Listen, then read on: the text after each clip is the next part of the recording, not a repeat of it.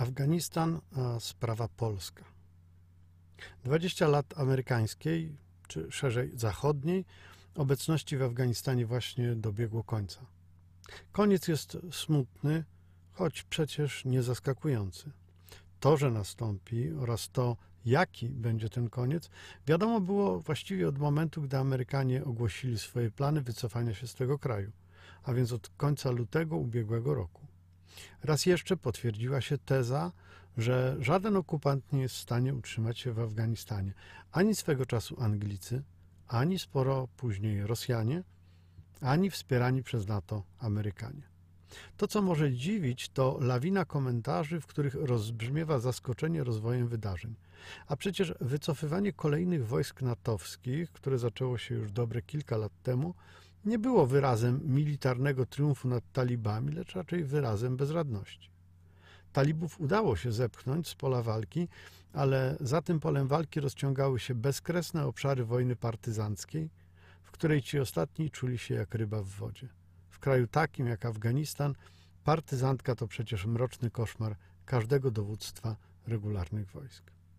W wojnie partyzanckiej olbrzymie znaczenie ma poparcie miejscowej ludności i wydaje się, że tego poparcia talibom nie brakowało. A Amerykanom i owszem, brakowało go dotkliwie. Amerykanom nie udało się pozyskać szerokiego poparcia mimo potężnych nakładów finansowych, jakie przeznaczyli na odbudowę zniszczonego przez wojnę kraju, na edukację, na inicjatywy poprawiające sytuację kobiet, etc. Dlaczego? Potencjalnych przyczyn tej sytuacji jest zapewne sporo. Dużo pisze się dziś o wszechobecnej korupcji, o niezdolności do budowania sprawnie działających instytucji, o braku kompetencji, o zaniedbaniach i o zwykłych kradzieżach. Dla mnie jednak najciekawszym, bo najbardziej pouczającym wątkiem jest kwestia kulturowa. Na ile nasza, w cudzysłowie zachodnia, kultura i oferowany przez nią zestaw wartości były atrakcyjne dla Afgańczyków? Na pewno odpowiedź na to pytanie nie jest prosta, bo atrakcyjność ta była inna dla relatywnie wykształconych mieszkańców większych miast, a zupełnie inna dla mieszkańców wiosek położonych daleko w górach, często niemal odciętych od świata. Myślę, że dla tych ostatnich możliwość chodzenia w dżinsach, możliwość wysłania córek lub nawet żon do szkoły były nie tylko mało atrakcyjne, ale wręcz obrazoburcze, nie do pomyślenia. I dlatego nosiciele zachodniej kultury musieli przegrać z nosicielami tradycyjnych wartości, wartości muzułmańskich. I teraz po tej przegranej los tych pierwszych, optujących za wartościami zachodnimi, staje się nie do pozazdroszczenia. Część z nich desperacko próbuje teraz wydostać się z kraju, ale w większości przypadków jest to tak trudne, że aż niemożliwe. Będą musieli pozostać w rzeczywistości, która będzie dla nich koszmarem.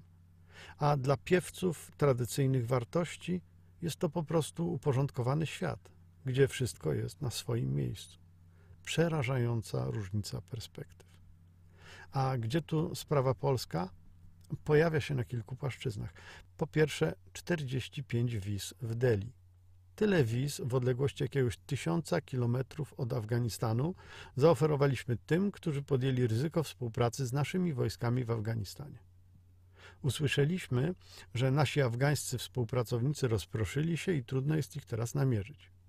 No, ale jak już dotrą do Delhi, to my im damy te wizy i zabierzemy do Polski. Kpina. Tego samego dnia słyszymy też, że wszystkich już uratowaliśmy w czerwcu. I tego samego dnia słyszymy, że może jednak wyślemy samolot. Po których? Po tych, co się rozproszyli i nie można ich znaleźć, czy po tych, co już ich uratowaliśmy? Trudno o bardziej jaskrawy przykład niekompetencji. Trudno o lepsze świadectwo, że nie warto współpracować z Polską, bo w razie, gdy mleko się rozleje, współpracowników zostawimy na lodzie. Ich oraz ich rodziny. Rozumiem, że Amerykanie mogą mieć problemy z ewakuacją wszystkich swoich współpracowników, bo mają w Afganistanie rozległe kontakty, a wobec szybkich postępów ofensywy talibów nawet ewakuacja ambasady okazała się problematyczna. Ale my nasze sprawy w Afganistanie pozamykaliśmy, zdaje się, już dość dawno. I mogliśmy wyciągnąć tych, którzy nam tam pomagali, ryzykując swoim życiem. Ilu ich było? Stu? Dwustu? Plus ich rodziny? Chyba było nas stać na to, by ich przygarnąć w Polsce A u nas teraz, gdy tam już się pali ziemia pod nogami, zaczynają się dywagacje. Wyślemy im jakiś samolot, czy też nie? Mieliśmy nie wysyłać, ale chyba wyślemy. Może nawet dwa wyślemy. Ech. I jeszcze jedno. Niemcy, których tak mamy nie lubić, bo wiadomo, że są niefajni, co najmniej od czasów Grunwaldu, właśnie rozpoczynają ewakuację dwóch tysięcy Afgańczyków. Mówi się, że być może ta liczba urośnie, nawet pięciokrotnie. Po drugie, czas. 20 lat to, jak się okazuje, za mało, by zbudować społeczeństwo oparte na wartościach diametralnie innych niż te wcześniej wyznawane. I tu znowu pojawia się nam Polska. W 1989 roku wykonaliśmy zwrot, umownie można by go określić jako zwrot e, ze wschodu na zachód.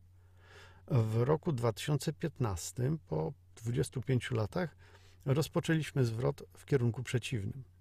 Od wartości kojarzonych e, z Europą i z Unią Europejską w kierunku tych wartości, które cieszą się uznaniem i dość powszechną akceptacją w Rosji. Być może Podobnie jak w Afganistanie, duża część społeczeństwa nie zaakceptowała tego zwrotu z lat 90. Być może słynne za komuny było lepiej jest faktycznym credo dużej części społeczeństwa, większej niż się wydawało. Być może dzisiejsze wiadomości TVP pieszczą ucho takich ludzi równie mile, jak niegdyś dziennik telewizyjny, nadawany za tej komuny, za której było lepiej.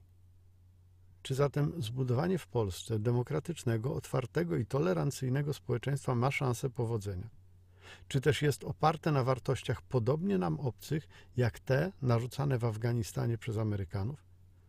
Jak widać, tu nic na siłę nie da się zrobić. To znaczy, da się, ale nic trwałego w ten sposób się nie stworzy. Po trzecie, polaryzacja. To, co dla talibów jest naturalnym porządkiem rzeczy, obowiązkowe brody dla mężczyzn i to określonej długości, ograniczenie praw kobiet, jakich praw, y, system kar obejmujący amputację rąk i kamienowanie, dla tych Afgańczyków, którzy chcieli żyć w demokratycznym, świeckim państwie, to koszmar. Dla pewnej równowagi można by powiedzieć, że wizja ulic, po których swobodnie chodzą wymalowane kobiety w krótkich kieckach, to dla talibów również swego rodzaju koszmar choć znaku równości między jednym a drugim koszmarem stawiać tutaj kategorycznie nie wolno. Dominacja jednej opcji jest nie do zniesienia dla drugiej i na odwrót. Jak mogą oni współistnieć w ramach jednego kraju? No właśnie, chyba nie mogą. Polaryzacja, z jaką mamy do czynienia w Polsce, nie jest aż tak wielka jej skutki w żadnej mierze nie są tak okropne jak w Afganistanie. Ale przecież polaryzacja jest i to nie mała.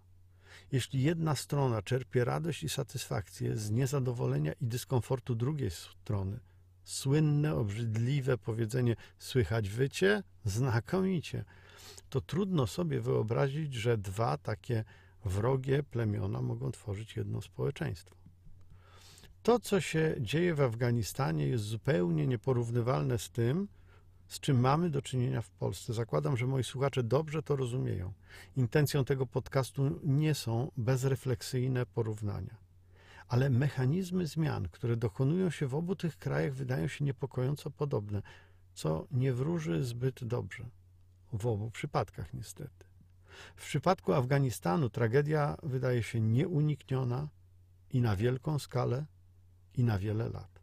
Bo jak powiedział prominentny przedstawiciel talibów, Afgańczycy są muzułmanami i chcą żyć według prawa muzułmańskiego.